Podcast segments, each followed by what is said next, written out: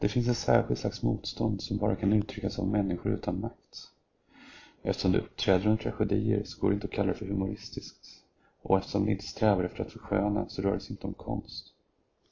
I ordets rätta bemärkelse är det heller inte fråga om motstånd i politisk mening eftersom det saknar förankring i en djupare ideologi. Så vad är det då för gest som kan framstå både som parodisk och ödesmättad? Jag tänker på mannen som spelar trumpet på Kievs gator under de första nätterna av Rysslands invasion medan granater faller över staden. Jag tänker på de unga kvinnorna som dansar framför en kamera i Iran medvetna om att de därmed riskerar långa fängelsestraff.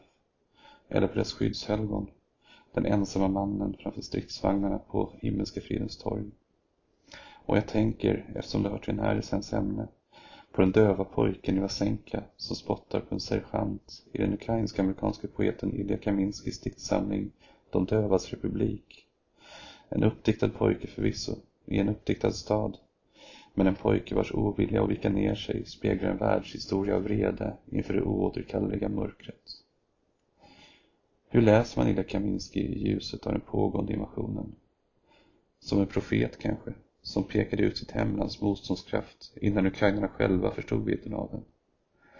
Kaminskis debutbok, Dansa i Odessa, som nyligen kommit ut i Lars Gustav Anderssons översättning, inleds med berättelsen om hur Kaminski som fyraåring förlorade hörseln. Han skriver När jag inte längre kunde höra så började se röster. På en fullsatt spårvagn sa en enarmad man till mig att mitt liv på ett mystiskt vis skulle knytas till mitt lands historia. Dryga 40 år senare och 20 år efter att Dansa i Odessa publicerades tycks det som att den enarmade mannens utsaga har besannats. Sedan invasionen har Ilja Kaminski stått för ett slags poetiskt motstånd från sitt nya hemland, USA. Han har distribuerat, tolkat, fört vidare dikter från Ukraina. I kontrast till tv-bilderna av de söderfallande städerna så har han visat att dikter skrivs även när flyglarmen ljuder. Av naturliga skäl har också Ilja Kaminskis egen poesi fått stor spridning under det pågående kriget. Staden Vasenka från de dövas republik har trätt fram som ett monument över en livaktighet som folk kan uppvisa i relation till ockupanterna. En unison litterär parallell till en soldat som trotsigt svor åt sina fångvaktare innan han avrättades. När pojken Petja, den döve, skjuts på det stora torget i Kaminskis uppdiktade stad beslutar sig invånarna för att i solidaritet ge upp sin hörsel. De pekar på sina öron när soldaterna talar till dem. Ur deras tystnad växer i sin tur ett nytt teckenspråk fram. Orden för kyss, stad eller tändsticka tecknas med händerna. För ordet berättelse håller man handflatorna mot varandra och öppnar dem långsamt. Där soldaterna har sina vapen har Vasenkaborna sina gester. De döva tror inte på tystnaden, står det skrivet i författarens anmärkningar. Tystnaden har uppfunnits av de hörande. Ilja Kaminski, född i Odessa 1977, debuterade 2004. Hans debutbok, skriven långt innan de tragedier som senare skulle drabba Ukraina, läses istället som bakgrund av en annan historia. Den om hur poeten föddes i en stad vars djupa, komplicerade historik han därmed kom att bli en del av. Om de dövas republik är ett körverk över den ockuperande stadens motstånd är Dansa i Odessa en mer mångskiftande sång, där stämmorna avlöser varandra och löper längs stadens myller av livsöden. Finns det någon plats på jorden som formas av så många intriger? Den vackra bygden vid Svarta havets norra kust präglas av alla de imperier som uppstått omkring den. Av det polsk-litauiska samväldet, av det antika Greklands utbredning, av de romerska och bysantinska väldernas uppgång och fall. Därtill har platsen formats av italienska, judiska, tatariska, moldaviska och förstås ukrainska kulturella epoker som löper om varandra och vävs samman på stadens gator. Som Pushkin skrev, luften där är fylld av hela Europa. Den här mångskiftande livfulla platsen slår an inledningen till Lekiminskis litterära bana. Även om han själv lämnade Odessa för USA redan under tonåren när förföljelsen av judar blev för påträngande för att familjen skulle kunna stanna.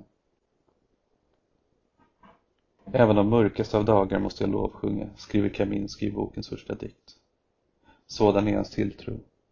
Berättelsen om de människor som fallit offer för det förra seklets grymheter handlar om livets, inte döden. På så vis träder Odessaborna fram, släktingar, författare, mytologiska gestalter, lika egensinniga som livfulla. Man skymtar Orfeus och Homeros genom Isak Babels blick. Marina Svetajeva dansar med en purpurfärgad scarf i håret. Här finns faster Rosa, vars själ vandrade på två fötter och som dansade i båda ändar av dagen. Morfadern som i ena stunden rusade efter ett tåg med tomater i fickorna och som i nästa strof avrättas ute på gatan. Här finns Josip Mandelstam och en flicka vid namn Natalia, Eugenio Montale och Paul Celan. Alla är de, om inte geografiskt, så själsligt knutna till Kaminskis hemstad. En plats där saligheten går sida vid sida med döden. Som han skriver i titeldikten, citat. Natten klädde av oss, jag räknade dess pulsslag. Min mor dansade. Hon fyllde det förflutna med persikor, grytor. Min doktor skrattade åt det. Hans barnbarn rörde mitt ögonlock. Jag kysste hennes knäveck. Staden skakade. Ett spökskepp satte segel. Min klasskamrat hittade på tjugo olika sätt att säga jude. Han var en ängel, hade inget namn. Vi brottades, ja. Mina far och morföräldrar stred med traktorer mot tyska stridsvagnar. Jag hade en resväska full av Brodsky's dikter. Staden skakade. Ett spökskepp satte segel. Om natten vaknade jag och viskade. Ja, vi levde. Vi levde. Ja, säg inte att det var en dröm. Citat. Natten klädde av oss. Jag räknade dess pulsslag. Min mor dansade. Hon fyllde det förflutna med persikor, grytor. Min doktor skrattade åt det. Hans barnbarn rörde mitt ögonlock. Jag kysste hennes knäveck. Staden skakade. Ett spökskepp satte segel. Min klasskamrat hittade på tjugo olika sätt att säga jude. Han var en ängel. Han hade inget namn. Vi brottades, ja. Mina far och morföräldrar stred med traktorer mot tyska stridsvagnar. Jag hade en resväska full av Brodskys dikter.